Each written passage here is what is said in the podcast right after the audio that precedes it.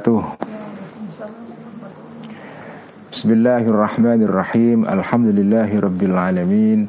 Wassalatu wassalamu ala ashrafil anbiya'i wal mursalin Sayyidina wa habibina Wa maulana wa qurrati a'yunina Muhammadin wa ala alihi wa ashabihi Wa man tabi'ahum bi ihsanin ila yaumiddin Rabbi syrah li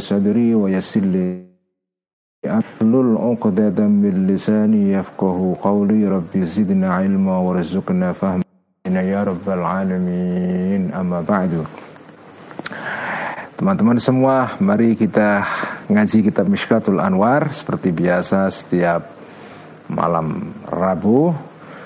Dan mari kita mulai pengajian ini dengan hadiah Al-Fatihah ila ruhi nabina wa syafi'ina Muhammadin sallallahu alaihi wasallam وإلى أرواح الأنبياء والمرسلين وإلى أرواح الأولياء والشهداء والصالحين والآل والأصحاب أجمعين والتابعين والتابعين التابعين إلى يوم الدين.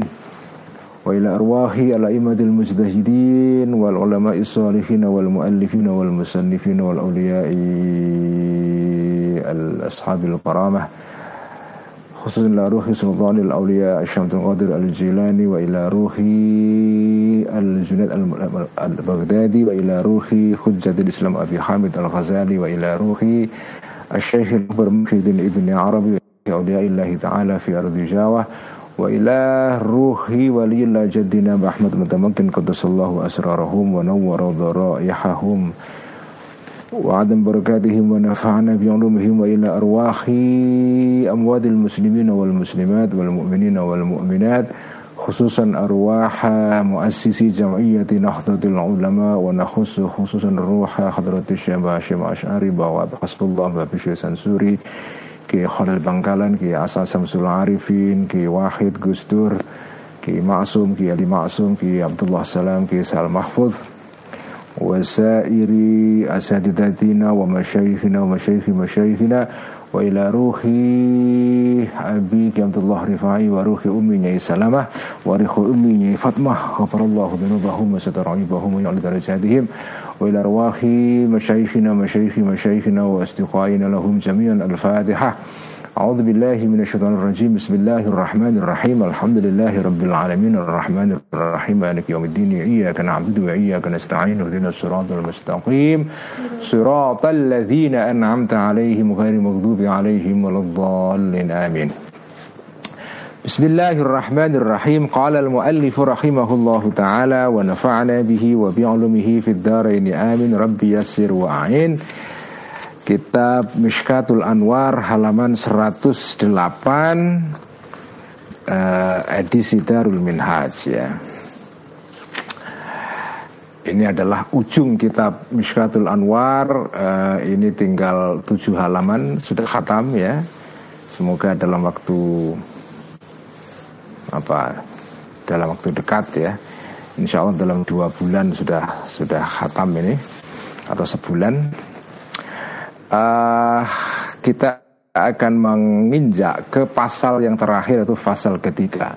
Ini pasal yang menarik sekali mengenai hijab-hijab, mengenai penghalang yang menghalangi kita uh, dari Allah Subhanahu wa taala. Al-faslu thalithu fasal yang ketiga fi ma'rifati qawlihi alaihi salam di dalam uh, menerangkan maknanya sabda kanjeng Nabi Sallallahu Alaihi Wasallam Inna lillahi sab'ina hijaban min nurin wa zulmatin. Lau kasyafaha la akhraqat subuhatu wajhihi kullaman adrakahu basaruhu. Inna lillahi sesungguhnya bagi Allah Ta'ala Sab'ina ada 70 hijaban hijabnya antara Allah dengan hambanya itu ada 70 hijab. Menurin yang terbuat ya terbikin dari cahaya wazulmatin dan kegelapan. Jadi 70 hijab tidak sekedar hijab berupa kegelapan tapi juga hijab berupa cahaya. Jadi cahaya itu bisa menjadi hijab menjadi penghalang menjadi tirai. Lau kasyafa jika mengangkat menyingkapkan Allah kepada sebaina hijaban. Ini 70 hijab. Lah kalau hijab antara Allah dengan hambanya dibukakan semua. Jadi kalau antara jenengan dengan Gusti Allah itu tidak ada penghalang apa saja apa apa pun ya.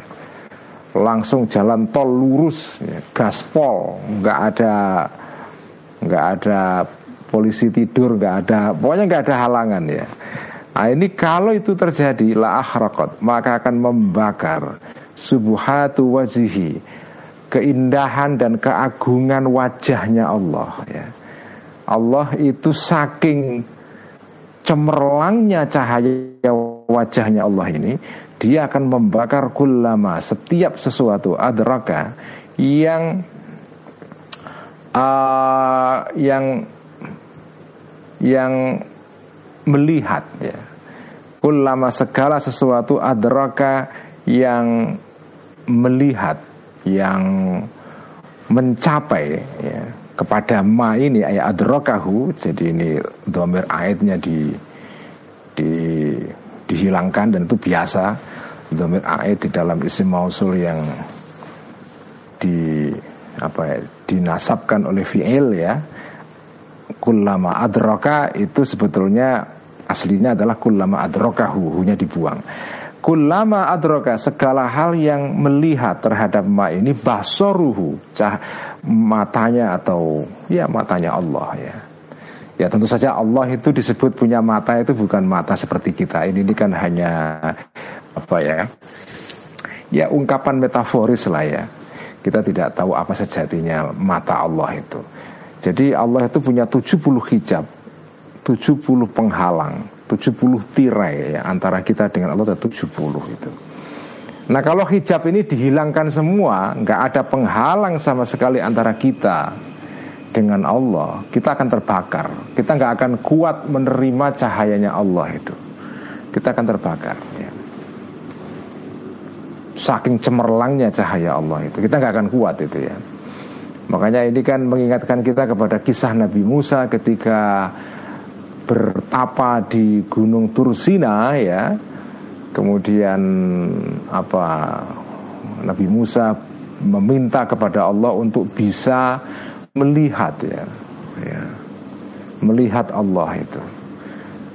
Dan kemudian uh, Allah uh, mengatakan kamu tidak akan bisa melihat saya melihat aku ya.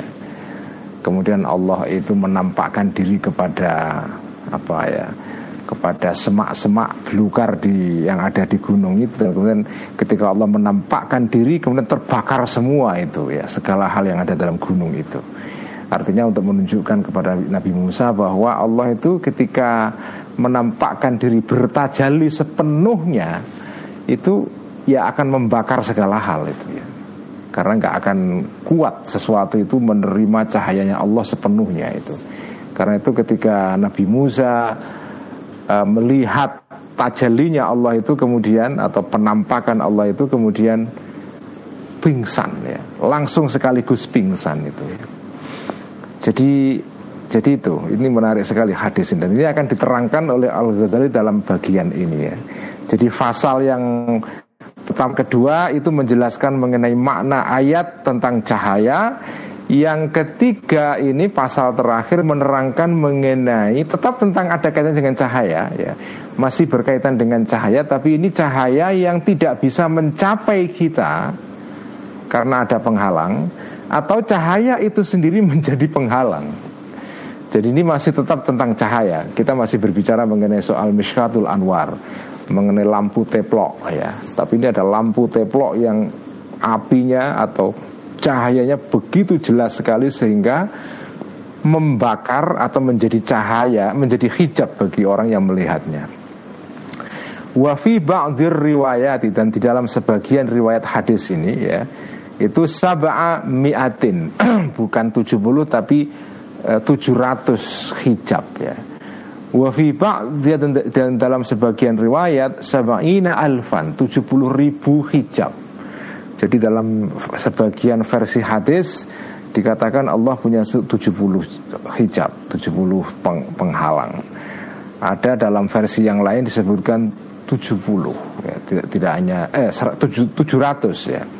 Jadi ada versi yang 70, 700 dan 70 ribu ya.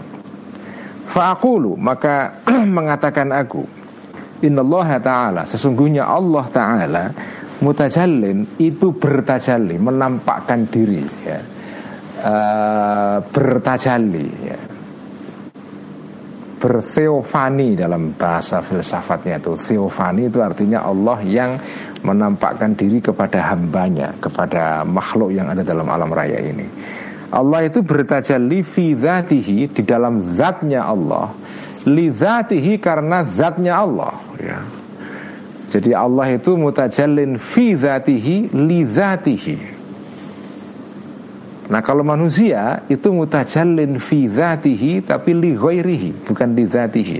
Apa bedanya? Apa makna mutajallin di sini itu? Maknanya begini ya. Manusia itu karena unsur penciptaannya itu juga berasal dari rohnya Allah, dari tiupan dari Allah, tiupan ilahiyah ya. Karena itu dalam diri manusia itu ada unsur ketuhanan, ada unsur yang sifatnya itu ilahiyah. Yang sifatnya itu adalah sakral, suci itu. Karena ada unsur-unsur ketuhanan dalam diri manusia. Karena itu manusia itu juga bisa bertajalli kepada dirinya. Apa maknanya bertajalli pada dirinya itu? Bertajalli kepada dirinya itu artinya adalah sadar. Jadi jenengan itu itu kan makhluk yang unik sekali seperti sudah pernah dijelaskan dalam kitab Mishkatul Awal di bagian awal ya. Manusia ya, manusia itu sadar mengenai dirinya bahwa dirinya ada di dunia ini itu kita sadar ya. Dan kemudian kita juga sadar terhadap lingkungan sekitar kita ya. Nah, kesadaran ini itu adalah fondasi dasar dari segala hal yang kita lakukan sebagai manusia ini. Termasuk kita bisa belajar, punya pengetahuan, kita sedih, kita gembira, kita mencintai, kita membenci, kita kita mengamati sesuatu kemudian bisa mengambil kesimpulan kita melakukan observasi kita meneliti meriset dan seterusnya itu semua kegiatan-kegiatan yang sifatnya terkait dengan roh kita itu bentuk tajalli terhadap pada diri kita jadi sebagaimana Tuhan kita itu juga mengalami tajalli terhadap diri kita dalam diri kita. Jadi mutajallin fi Manusia itu bisa bertajalli dalam dirinya. Dalam pengertian apa? Jenengan itu bertajali nampak ke, kepada diri sampean. Jadi uh, sama dengan ketika jenengan melihat kaca bercermin, itu sampean bisa melihat diri sampean di cermin itu. Ya. Nah cuma bedanya kemarin kan diterangkan dalam bagian mukaddimah kitab Mishkatul Anwar itu mata manusia mata lahir dengan mata batin itu punya perbedaan. Salah satunya adalah mata lahir ini ketika dia melihat kaca itu dia bisa melihat diri kita ini di kaca. Ya. Jadi jenengan uh, apa itu ya ya melihat diri sampean di kaca. Ya. Atau mata kita itu bisa melihat segala hal di sekitar kita ini. Ya. Jadi mata manusia yang berupa mata lahir ini bisa melihat objek-objek, benda-benda yang ada di sekitar kita. Ya. Nah, ketika kita melihat sesuatu ini, ya, apa yang terjadi? Ketika jenengan nolak, nolah, noleh kiri kanan, delok sana sini, ya, ada sarung BHS, ada sarung largurda yang kuale ya. Pokoknya kita lihat segala hal itu di sekitar kita itu. Apa yang terjadi? Ketika kita melihat sesuatu itu itu kan kemudian uh, apa ya sesuatu itu kemudian kita serap ya sebagaimana kamera ketika kamera itu memotret menjepret itu itu kemudian dia menyimpan objek-objek yang dijepret itu ke dalam memorinya Ketika sesuatu itu dijepret, diserap ya, kita lihat, kita raba, kita baui, kita cium, kita rasakan semuanya itu, itu kemudian semua itu kita masukkan dalam diri kita. Seperti dimasukkan dalam memori dalam ingatan kita yang disebut dengan ruhul khoyali dalam keterangan sebelumnya ya. Nah ketika ruhul khoyali kita ini menyerap segala sesuatu di sekitar kita ini Apa yang terjadi? Kita mengalami sesuatu ya Seperti tajalli Diri kita itu menjadi nampak kepada diri kita sendiri Saya itu tampak kepada diri saya ya. Yaitu apa? Bahwa saya bisa melihat Saya bisa merasakan Saya bisa mencium bau Saya bisa Jadi kita sadar bahwa kita ini melakukan aktivitas-aktivitas itu kita begini, kita begitu, kita makan, makan duren enak sekali, baunya begini begitu, sampai berhari-hari nggak hilang-hilang, kita makan sate, kita makan itu. Ketika kita melakukan itu semua, pengalaman-pengalaman itu, itu kita sadari, kita merasakannya dan kita dengan merasakan itu menyadari itu kita seperti bertajali diri kita menjadi kelihatan ya jadi manusia itu juga bertajali terhadap dirinya sendiri fidatihi ya. jadi kita ini beda dengan makhluk-makhluk yang tidak punya kesadaran ya. yang tidak sadar bahwa dirinya itu ada ya ya pokoknya dia menjalankan aktivitas alamiah saja sesuai dengan instingnya. Jadi misalnya kucing itu ya atau ya kucing itu itu tidak tahu kadang-kadang saya heran kucing itu ya. Kucing itu kan nggak pernah diajari oleh emaknya atau oleh kakeknya ya. Ketika dia buang kotoran ya atau apa ya buang air apa uh, pipis misalnya itu kan kucing itu kalau habis uh, apa ya buang air atau apa itu pipis atau buang kotoran itu kan langsung otomatis instingnya itu bekerja. Dia mengo, kakinya itu mengorek-ngorek tanah itu seolah-olah dia menimbun kotoran itu dengan dengan tanah itu. Yang menarik kadang-kadang kucing itu melakukan itu di ketika dia buang kotoran di tempat yang tidak ada debunya jadi misalnya dia buang kotoran di apa ya, di lantai yang dari keramik itu ya. Ya tetap kakinya itu garuk-garuk. Padahal nggak ada nggak ada nggak ada pasir, nggak ada debu yang untuk menimbun kotorannya itu, tapi kakinya garuk-garuk itu. Jadi dia melakukan itu bukan karena dia sadar ada ada debu di situ, ada pasir di situ. Dia melakukan kegiatan garuk-garuk itu dengan kakinya, itu karena itu dorongan alamiah saja. Itu insting yang sudah terinstall dalam dirinya. Padahal nggak ada nggak ada pasir di situ, kok garuk-garuk kakinya untuk apa? Karena kalau dia garuk-garuk dengan kakinya itu juga kotorannya nggak akan tertimbun oleh apa, apa oleh apa pun karena nggak ada nggak ada debu di situ, nggak ada pasir di situ. Jadi itu menunjukkan bahwa sebetulnya kucing ini uh, tidak punya kesadaran sebetulnya. Ya dia melakukan segala sesuatu itu ya karena seperti mesin, dorongan alamiah saja. Otomatis seperti mesin begitu. Tidak karena sadar. Karena kalau orang itu sadar melakukan sesuatu itu dia bisa memilih, dia bisa melakukan, bisa dia bisa tidak. Jadi misalnya misalnya dia jenengan lewat warung sate enak sekali. Jenengan bisa mampir, bisa tidak. Ketika sudah mampir dia jenengan bisa milih sate yang murni daging saja atau daging campur dengan apa uh, lemak ya atau jeroan dan seterusnya. Jadi jenengan bisa milih karena apa? Karena jenengan, jenengan sadar, jenengan bertajali. Tajali itu artinya terang terang benderang seperti cahaya itu.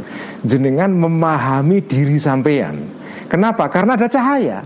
Cahaya itulah yang membuat sampean itu paham diri kamu sendiri.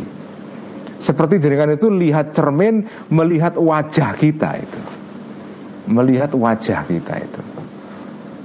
Nah, bukti lain kalau binatang itu tidak punya kesadaran ataupun kalau punya kesadaran ya mungkin dalam derajat yang rendah sekali ya itu loh kalau lihat kucing itu itu menarik juga contoh contoh saya sekali lagi kucing karena saya suka kucing ya di medsos itu sering kali saya melihat apa ya video kucing saya senang sekali lihat video kucing itu karena membuat kita jadi rileks gitu ya. Itu kayak relaksasi itu.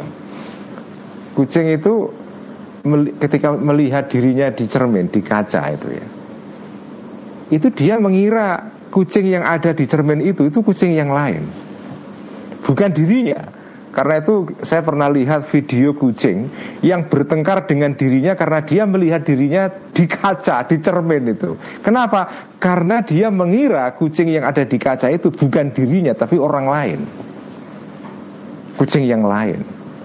Tengkar dia, ya, tengkar dengan dirinya sendiri padahal yang yang dia teriaki itu ya dirinya sendiri yang di cermin itu.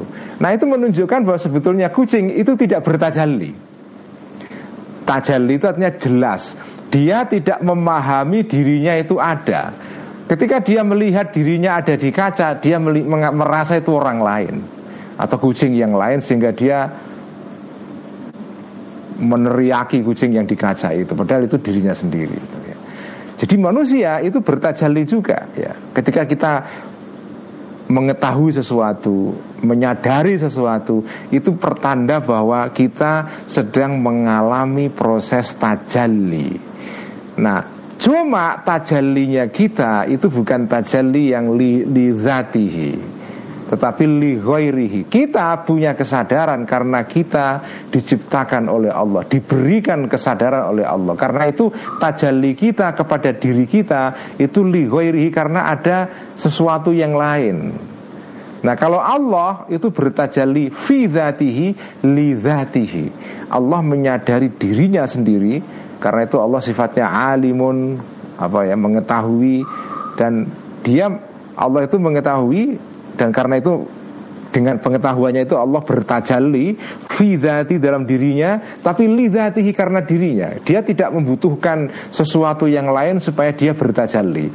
Beda dengan manusia yang tajallinya itu adalah fidatihi li kita bertajalli dalam diri kita, kita menyadari keberadaan kita, tetapi kita menyadari itu, kita punya kesadaran itu bukan karena kita menciptakan kesadaran kita sendiri, kita diberikan kesadaran oleh Allah Subhanahu wa taala itu.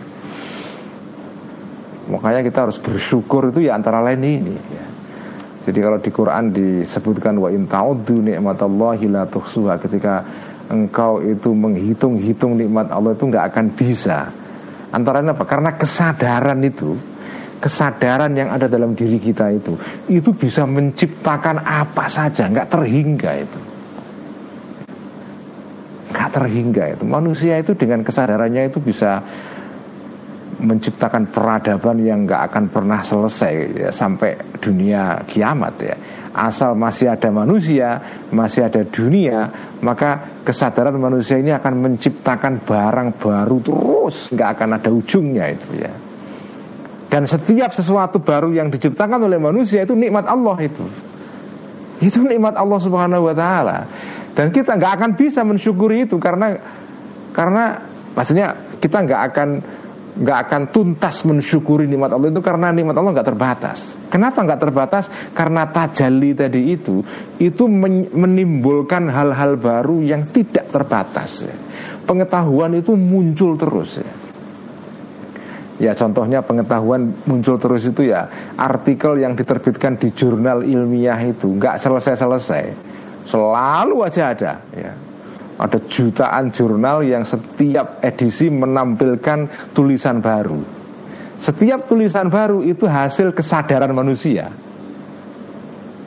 Dan setiap hasil dari kesadaran ini adalah merupakan wujud dari nikmat Allah Ta'ala Dan karena selama ada manusia akan selalu ada sesuatu yang baru Maka nikmat Allah itu nggak akan bisa dihitung nggak akan bisa di apa ya di dibatasi itu ya. Itulah makna dari innalil innallaha ta'ala mutajallin fi dzatihi li dzatihi. Wa yakunu dan ada al hijabu hijab ya. Tirai. Kenapa disebut hijab? Karena kalau jenengan menyebut tirai ya hijab itu karena bil idhafati dalam hubungannya relasinya ila mahjubin kepada sesuatu yang dihijabi. La mahalata pasti jenengan menyebut tirai, menyebut penghalang, itu pasti ada yang dihalangi. Jadi penghalang dan yang dihalangi itu adalah dua wujud yang saling bergantung satu terhadap yang lain. Sama dengan mata. Setiap ada mata, maka ada tindakan melihat. Setiap ada tindakan melihat, pasti ada yang dilihat. Ya. Karena tidak mungkin ada mata, tetapi tidak ada yang dimatai. Tidak mungkin ada telinga tanpa sesuatu yang ditelingai atau yang didengar itu ya. Karena telinga itu adalah menyimpan atau mengandung kekuatan mendengar. Setiap mendengar pasti ada yang didengar. Nah inilah. Jadi makanya ini ini bagian dari ilmu ontologi ini, ilmu kahanan, ya. ilmu kahanan. Sesuatu disebut tirai, penghalang, itu ya karena ada yang dihalangi. Sesuatu itu disebut apa ya? Uh, sesuatu itu disebut uh, misalnya apa? Sesuatu sesuatu disebut makan ya atau tindakan tertentu itu disebut makan karena ada yang dimakan. Jenengan mengatakan minum itu karena ada yang diminum. Jenengan mengatakan misalnya uh, apa? Uh, kendaraan itu karena ada sesuatu yang mengendarainya ya. Jadi kendaraan dan sesuatu yang menumpang di kendaraan itu itu sesuatu yang saling terkait ya. Tidak mungkin ada mata tanpa ada yang dilihat. Tidak mungkin ada telinga tanpa ada yang didengar. Tidak mungkin ada hidung tanpa sesuatu yang dibawi. Begitu juga hijab tidak tidak mungkin ada penghalang kalau tidak terkait dengan sesuatu yang dihalangi. Karena itu ketika Nabi bersabda Sesungguhnya Allah itu mempunyai 70 penghalang atau hijab Berarti ada yang dihijabi ya. Tidak mungkin ada hijab tanpa ada sesuatu yang mahjub ya. Jadi hijab karena ada mahjub ya. Ada al-basar, ada mata karena ada al-mubsor Sesuatu yang dilihat ada telinga, ada pendengaran as-sama karena ada al-masmu, sesuatu yang uh, didengar ya. Ada ar-ru'yah, ada penglihatan, ada al-mar'i, sesuatu yang dilihat itu ya. Dan seterusnya. Jadi wujud itu mengandaikan sesuatu yang lain. Ya. Jadi nggak bisa sendiri. Jadi misalnya mata karena ada yang dilihat, telinga karena ada yang didengar. Ya perabaan karena ada yang diraba ya. dan seterusnya ya. Kalau kita kalau teman-teman yang pernah belajar tentang filsafat fenomenologi ya fenomenologi terutama fenomenologinya Edmund Husserl dari ya, filsuf dari Jerman itu maka ada istilah namanya intensionalitas ya. Intentionality intensionalitas ya jadi manusia itu sadar ya punya punya kesadaran. Yang disebut dengan kesadaran itu tidak mungkin kalau tidak ada sesuatu yang disadari. Ya. Jenengan sadar karena ada yang disadari. Tidak mungkin kesadaran itu berdiri sendiri tanpa ada sesuatu yang disadari. Sama dengan tidak mungkin ada mata tanpa ada yang dilihat. Ya. Jadi itu yang disebut dengan intentionality. Sesuatu itu uh, selalu mengarah keluar. Mata itu mengarah keluar yaitu apa? Dia mengarah kepada sesuatu yang dilihat. Telinga mengarah keluar yaitu apa? Sesuatu yang didengar. Kesadaran mengarah keluar yaitu kita sadar mengenai apa yang ada di sekeliling kita. Itu yang disebut dengan intentionality ya. Sesuatu manusia itu punya kekhasan punya ciri khas namanya kesadaran yang itu sifatnya intensional. Dia mengarah keluar. Jadi sadar akan sesuatu. Ya, mata karena dia melihat disebut mata karena dia mematai dia melihat sesuatu. Sesuatu disebut telinga karena menelingai sesuatu mendengar sesuatu ya. disebut hijab karena dia menghijabi sesuatu kalau kajian Nabi mengatakan Allah punya 70 hijab Berarti ada 70 orang yang dihijab. Itu makna dari hadis tadi itu. Nah sekarang uh, Al Ghazali akan membahas siapa orang-orang yang terhijab itu. Wal mahjubuna dan orang-orang yang dihijab ini minal khalqi di antara makhluk orang-orang manusia maksudnya. Salah satu aksamin ada tiga golongan. Minhum sebagian dari tiga ini adalah man seseorang hujiba yang dihijab yang dihalangi yang terhalang ya bimujarradi zulmati karena kemurnian kegelapan karena kegelapan yang murni ya. karena hanya dengan kegelapan itu maksudnya bimujarrati zulma ada orang yang terhijab karena ada kegelapan di sekitarnya sesuatu kalau gelap kan nggak bisa dilihat kan karena itu kalau kalau kita masuk di ruangan listriknya tidak hidup atau mati lampu teploknya mati karena minyaknya habis ya ya sudah kita terhijab kita terhalang dan tidak bisa melihat benda-benda yang ada di ruangan itu. Karena itu kegelapan itu hijab. Ya. Jadi ada segolongan manusia yang terhijab karena kegelapan. Wa minhum dan di antara tiga golongan ini man ada orang hujibai yang dihalangi orang ini binuril mahdi dengan cahaya yang murni. Jadi ada orang itu justru terhalang untuk bisa melihat sesuatu karena ada cahaya.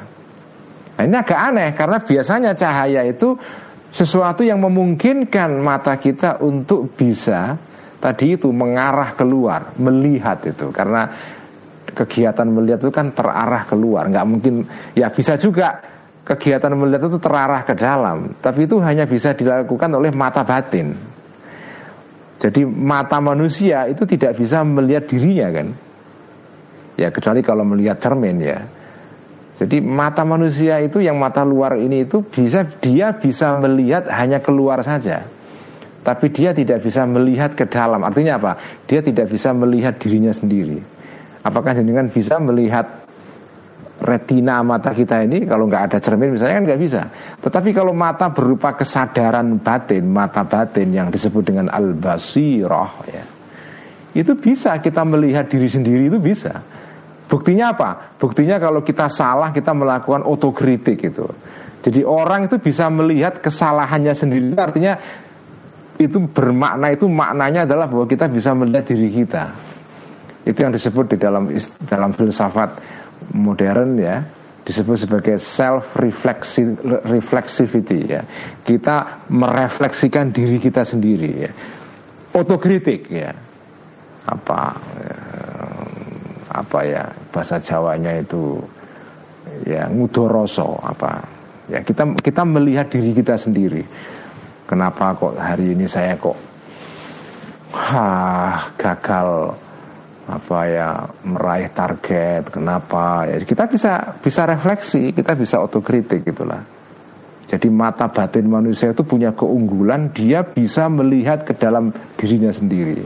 Itu namanya tajalli juga itu ya jadi ada orang itu yang terhijab justru karena cahaya, bukan karena bukan karena kegelapan. Waminhum dan di antara tiga golongan ini adalah man orang hujiba yang dihijab orang ini binurin dengan cahaya, cuma makrunin yang disertai bidulmatin dengan kegelapan. Jadi campuran. Jadi orang itu terhijab tidak bisa sampai kepada Allah karena ada hijab yang terdiri dari campuran ya mix antara cahaya dengan kegelapan. Wah ini keren sekali ini ya. Ini hadis kanji Nabi ini kan hadis sederhana ya. Innalillahi sab'ina hijaban. Sesungguhnya Allah punya 70 hijab. Min nurin wa zulmatin dari cahaya dan kegelapan. Nah ini kan hadis ini kan Ya kalau nggak diterangkan dengan Dengan cara yang canggih begini Begini kan ya Maknanya maknanya ya mungkin sederhana tapi di tangan orang yang hebat seperti Imam Ghazali diterangkan dengan runtut begini sistematis ya. dimulai dengan dengan penjelasan yang disebut dengan hijab itu pasti mengandaikan ada yang dihijab wah itu kan jadi prosesnya sistematis gitu loh. Nerangkan hadis itu nggak sederhana. Ya, ya bisa juga sederhana kalau untuk orang awam. Tapi ini kan untuk orang yang agak sedikit di atas awam ya, ya. Memang agak ngeluh ngaji miskat itu apa agak Mbak Admin juga ngantuk kalau ngaji miskat itu apa karena agak ngeluh itu. Ah. Jadi uh, agak ngeluh, tapi ya nggak apa-apa lah ya. Kita ikuti saja keterangan Al Ghazali ini. Asyik kok ya, asyik. Nanti kalau jenengan sudah sudah masuk ke gua Miskatul Anwar ini akan akan kecanduan nanti, akan kecanduan karena karena asyik banget memang ya. Jadi jadi cara menerangkannya tadi itu dimulai dengan hijab. Disebut hijab karena ada yang dihijab. Siapa yang dihijab? Ya manusia karena ini bicara mengenai manusia ya. Nah siapa itu manusia yang dihijab? Ada tiga golongan. Nah, jadi dari hadis yang sederhana itu tiba-tiba muncul keterangan yang kompleks, yang rumit ya, yang canggih. Makanya menjadi orang Muslim itu ya kalau mampu ya, ya begini berpikir canggih begini ya. Tetapi juga bukan berarti menjadi Muslim yang sederhana, yang saya menyebut dulu dalam salah satu tulisan saya di Facebook menjadi muslim yang awam itu itu juga ya juga penting ya karena makhluk itu kan macam-macam ya ada makhluk Allah itu yang diberikan keistimewaan bisa bisa bertajali dalam bentuk yang sempurna lalu dia bisa bisa memahami sesuatu yang teoritis yang abstrak jadi makin orang itu derajat tajalinya itu tinggi dia makin bisa memahami hal-hal yang goib, yang abstrak, teori, filsafat, yang canggih-canggih. Nah, itu itu mampu itu. Tapi kalau orang itu diberikan kemampuan tajalli yang yang apa rata-rata, ya dia mungkin apa ya keahliannya akan terarah kepada hal-hal yang sifatnya itu aplikatif ya, yang praktek langsung ya. Nah orang-orang yang tajalinya itu rata-rata seperti ini ya sebaiknya dia sekolah itu di politeknik ya apa keterampilan SMK kayak gitu-gitu ya. Karena nggak semua orang itu harus masuk universitas. Ini kan problemnya salah satu salah kaprah pendidikan atau persepsi masyarakat mengenai pendidikan itu kan semua orang itu harus masuk universitas Mestinya nggak begitu. Yang masuk universitas itu adalah kalau memakai ajaran kita Mishkatul Anwar ini, ya orang-orang yang diberikan oleh Allah kemampuan bertajalli yang tinggi. Ya. Kalau tajallinya sederhana, udah ya makom sampean itu makom yang aplikatif ya. Karena dunia ini juga nggak akan tegak kalau nggak ada orang yang punya kemampuan aplikatif ya, kemampuan yang sifatnya itu terapan, bisa membangun gedung, jalan raya, uh, apa memuliakan benih untuk mencari benih yang paling baik sehingga hasil panennya itu lebih banyak dalam waktu yang singkat. Dan seterusnya itu itu kegiatan-kegiatan yang sifatnya amali ya. Al hikmah al amaliyah ya ilmu yang sifatnya praktis aplikatif bukan teoritis itu penting sekali. Bahkan dalam kitab ihya seperti yang saya jelaskan di kopdar di Kerawang kemarin ya ada ilmu-ilmu yang sifatnya itu ya tadi itu al hikmah al amaliyah yang itu apa ya sifatnya aplikatif dan fardu kifayah itu wajib dikuasai itu. Pertanian kedokteran perdagangan ya pendidikan itu semua adalah kegiatan-kegiatan yang sifatnya aplikatif ya. Terapan. Nah, itu itu itu tajalinya memang tidak terlalu tinggi karena terapan itu lebih tindakan jasad apa tubuh luar ya Nah kegiatan yang sifatnya abstrak teori murni seperti matematika, fisika murni, ya, ya filsafat, teori politik, ya usul fikih misalnya kan itu itu membutuhkan derajat atau kemampuan tajalli yang lebih tinggi daripada yang dibutuhkan untuk pengetahuan-pengetahuan yang sifatnya amali atau al hikmah al amaliyah itu ya. Wasnafu hadil aksami dan uh, apa golongan-golongan atau bagian-bagian dari apa pembagian-pembagian ini ya kathiratun ya adalah banyak ya. Jadi masing-masing bagian ini itu jenis-jenisnya ya wa asnafu dan jenis-jenisnya dari masing-masing bagian yang tiga ini kathiratun itu banyak atau hakaku yang telah membuktikan secara sejati, secara memverifikasi maksudnya atahakoku itu telah membuktikan secara hakiki aku al Ghazali maksudnya terhadap, terhadap banyaknya hadil aksam. Ya. Jadi kan tadi makhluk itu dibagi tiga dalam hal hijabnya. Ada makhluk itu manusia yang eh, dihijab hanya karena kegelapan. Ada yang dihijab karena cahaya ada yang dihijab atau yang dihijab itu dihalangi tidak bisa sampai kepada Allah ya dengan hijab yang berupa cahaya dicampur dengan kegelapan. Nah, tiga ini itu hanya rubrik besar. Di dalam masing-masing ini, misalnya golongan pertama itu macam-macam jenis-jenisnya. Jadi ada orang itu yang dihijab karena kegelapan. Ada kegelapan yang cuma satu persen, 2 persen, 3 persen, 4 persen, sampai 100 persen. Jadi itu derajatnya juga macam-macam itu. Yang satu persen pun yang dihijab karena kegelapan satu persen itu juga masih ada sub-subnya. Dan ini tidak hanya tidak bisa diketahui kecuali oleh orang yang sudah sampai kepada kebenaran yang hakiki atau hakkoku seperti dialami oleh Imam Ghazali setelah dia pertapa bertapa bermeditasi tahunan sehingga beliau kemudian bisa mengalami sendiri secara batin secara rohani ya pengalaman tentang hijab itu hijab itu jenis-jenisnya apa itu itu tidak bisa diketahui kecuali oleh orang yang sudah mengalami pengalaman batin yang panjang sekali itu. Jadi atahak kau Aku sudah tahu secara hakiki, tidak secara teori saja. Membaca buku misalnya Nah kayak kalau kalau saya ini kan baca buku saja, saya belum tahu sebetulnya ini kan hanya baca kayak baca koran sebetulnya ya. Saya sebetulnya nggak tahu ini, ya, hanya baca. Kebetulan saya bisa bahasa Arab terus maknani itu aja kan.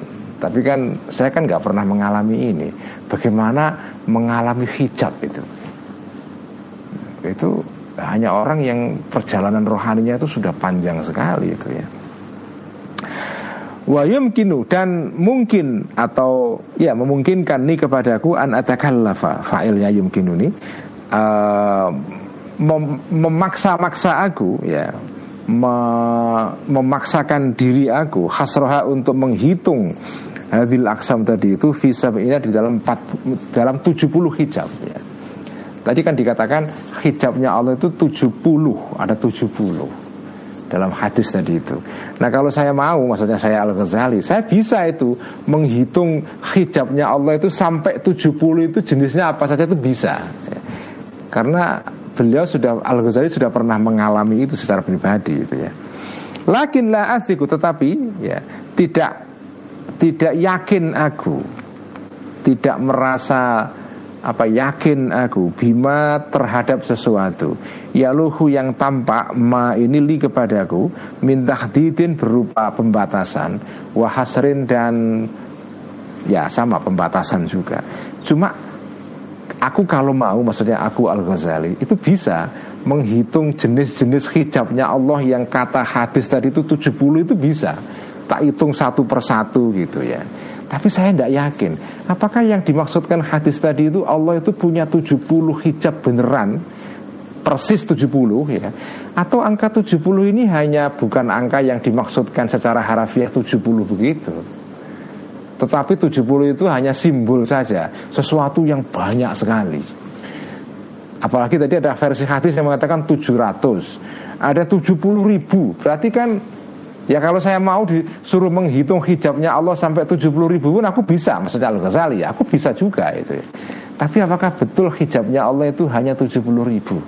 Jangan-jangan sesuatu yang menghalangi hamba dari Allah itu Itu sebenarnya tak terbatas itu. Angka 70 di sini itu hanya angka aproksimasi atau ya sekedar mendekati sajalah supaya sampean paham. Ada banyak hijab ya 70 itu artinya bukan 70 persis tapi 70 itu banyak ya. Itulah adri karena tidak mengerti, tidak tahu aku anda sesungguhnya tadi itu tahdid wa hasr ya pembatasan itu adalah al muradu yang dimaksudkan bil hadithi kepada terhadap hadis tadi itu innalillahi sab'ina hijaban gitu. Amla atau atau tidak. Saya nggak tahu apakah apakah yang dimaksudkan hadis tadi itu 70 persis dibatasi 70 saja atau itu angka yang menunjukkan banyak saja.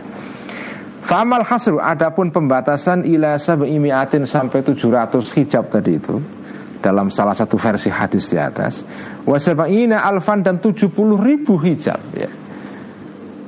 Kalau disuruh menghitung hijab yang menghalangi Allah dari hambanya sampai 70 ribu. Itu ya agak susah memang. Karena 70 ribu itu ya banyak banyak sekali itu ya. Fadzalika maka angka ini 700 sampai 70 ribu ini lah tastakilu tidak bisa mandiri ya. Tidak bisa memikul sendiri bi terhadap zalik tadi itu illal quwwatun nabawiyatu eh, kecuali kekuatan yang bersifat kenabian. Hanya para nabi-nabi yang bisa menghitung secara detail itu 70 ribu hijab milik Allah itu apa saja itu. Karena nabi-nabi ya diberikan kemampuan batin atau rohani yang memang ya luar biasa kemampuannya. Yang kemarin disebut dengan ar-ruhun nabawiyul qudsi ya. Roh kenabian yang suci. Itu puncak puncak kemampuan penalaran manusia itu penalaran para nabi-nabi itu ya Ma'anna zahira Padahal itu ma'a itu di sini artinya secara makna ya bukan secara harafiah itu padahal ya. Padahal maksudnya beserta itu artinya padahal. Padahal sesungguhnya zohirnya atau tampak luarannya uh, sangkaanku ya. Nak menurut sangkaanku secara apa ya secara secara akal sehat biasa ya.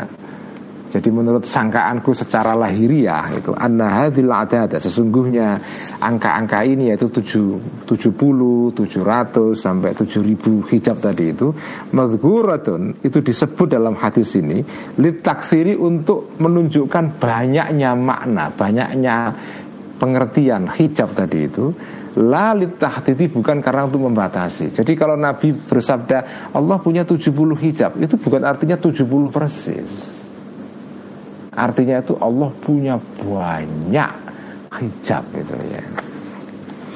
Sama dengan hadis yang mengatakan umat kanji Nabi itu akan terpecah menjadi 73 itu wakilah maknanya itu bukan kok terus kanji umat Islam itu terpecah sampai 73 golongan karena kalau dihitung golongan umat Islam itu ya banyak banget nggak mungkin hanya 73 itu jadi angka 73 itu ya hanya menunjukkan banyaknya golongan-golongan dalam Islam. Tidak artinya 73 persis itu ya. Jadi makna angka-angka dalam hadis seperti ini itu bukan lit tahdid, tapi lit taksir ya. Ini pengetahuan penting ini ya. Jadi ada hadis-hadis itu yang memuat angka-angka tertentu, tapi maknanya bukan makna harafiahnya. Angka itu persis itu tidak. Tapi artinya adalah bahwa itu banyak sekali itu. Banyak sekali. Wakatazi dan kadang-kadang berlaku al-ada itu kebiasaan manusia orang-orang itu ya. Eh, le tajri apa? Bizikri ta'aluknya huruf jarbi ini dengan tadi itu fi'il tajri. Bizikri adadin dengan menyebut suatu angka tertentu 70, 700, 70 ribu ya. Jadi kadang-kadang manusia kebiasaan berbahasa manusia itu kadang-kadang menyebut angka tertentu tapi wala yuradu dan tidak dikehendaki bi dengan adat al hasru pembatasan. Misalnya 100 itu misalnya wah ada ribuan pengunjung di apa ya Senayan ribuan. Ribuan itu berapa? Jadi kalau disebut ribuan itu ya bukan berarti seribu persis enggak. Ya pokoknya banyak gitu kan. Banyak itu ya. Jadi tidak tidak dikehendaki apa ya angka persisnya. Balik taksiru yang yang dikehendaki adalah memperbanyak atau makna yang banyak itu ya. Wallahu dan Allah a'lamu itu lebih mengetahui bitahqiqi dzalika terhadap eh, apa tahkiknya uh, mencari kebenaran dari atau mengetahui dengan sebenar-benarnya hal tadi itu yaitu takfir itu ya. Bagaimana Anda tahu tentang seberapa banyak itu apa jumlah hijab Allah itu nggak ada nggak ada yang tahu kecuali Allah Taala sendiri ya. Fadzalika maka At-takdir ini adalah harijun keluar anil musni dari kemampuan manusia. Nggak ada yang bisa ya. Bahkan Nabi pun tidak bisa Mengetahui seluruhnya ya. ya para nabi-nabi diberikan pengetahuan yang di atas rata-rata. Tetapi jumlah hijab Allah yang sejati itu kita nggak ada yang tahu. Nggak ada yang tahu. Karena itu bagian dari rahasia Tuhan Wa innamal ladzi dan sesungguhnya sesuatu yumkinu yang mungkin nih kepada kual ana sekarang ini adalah anu apa failnya yumkinu ini anwar rifaka untuk ya memberitahu aku Al Ghazali maksudnya kah kepada engkau wahai santri Miskatul Anwar hadhil aksamat golongan-golongan yang tiga tadi itu. Saya hanya menjelaskan besarannya saja. Ada tiga golongan orang-orang yang terkena hijab ada yang hijab murni kegelapan ada hijab yang terhijab karena murni cahaya, ada yang campuran keduanya. Wa ba'du asnafi kulli kismin dan sebagian dari jenis-jenis masing-masing bagian ya. Fa aku maka mengatakan itu aku Al-Ghazali maksudnya al-qismul awwalu. Sekian ngaji Mishkatul Anwar malam ini. Oh masih kurang 9 menit ya. Gak apa-apa lah, saya agak capek karena barusan melakukan perjalanan agak lama kemarin ya. Sekarang kita tutup dengan bacaan salawat bil qulub. اللهم صل على سيدنا محمد طب القلوب ودوائها وعافية الأبدان وشفائها ونور الأبصار وضيائها وعلى آله وصحبه وسلم. اللهم صلِّ على سيدنا محمد طب القلوب. ودوائها وعافية الأبدان وشفائها ونور الأبصار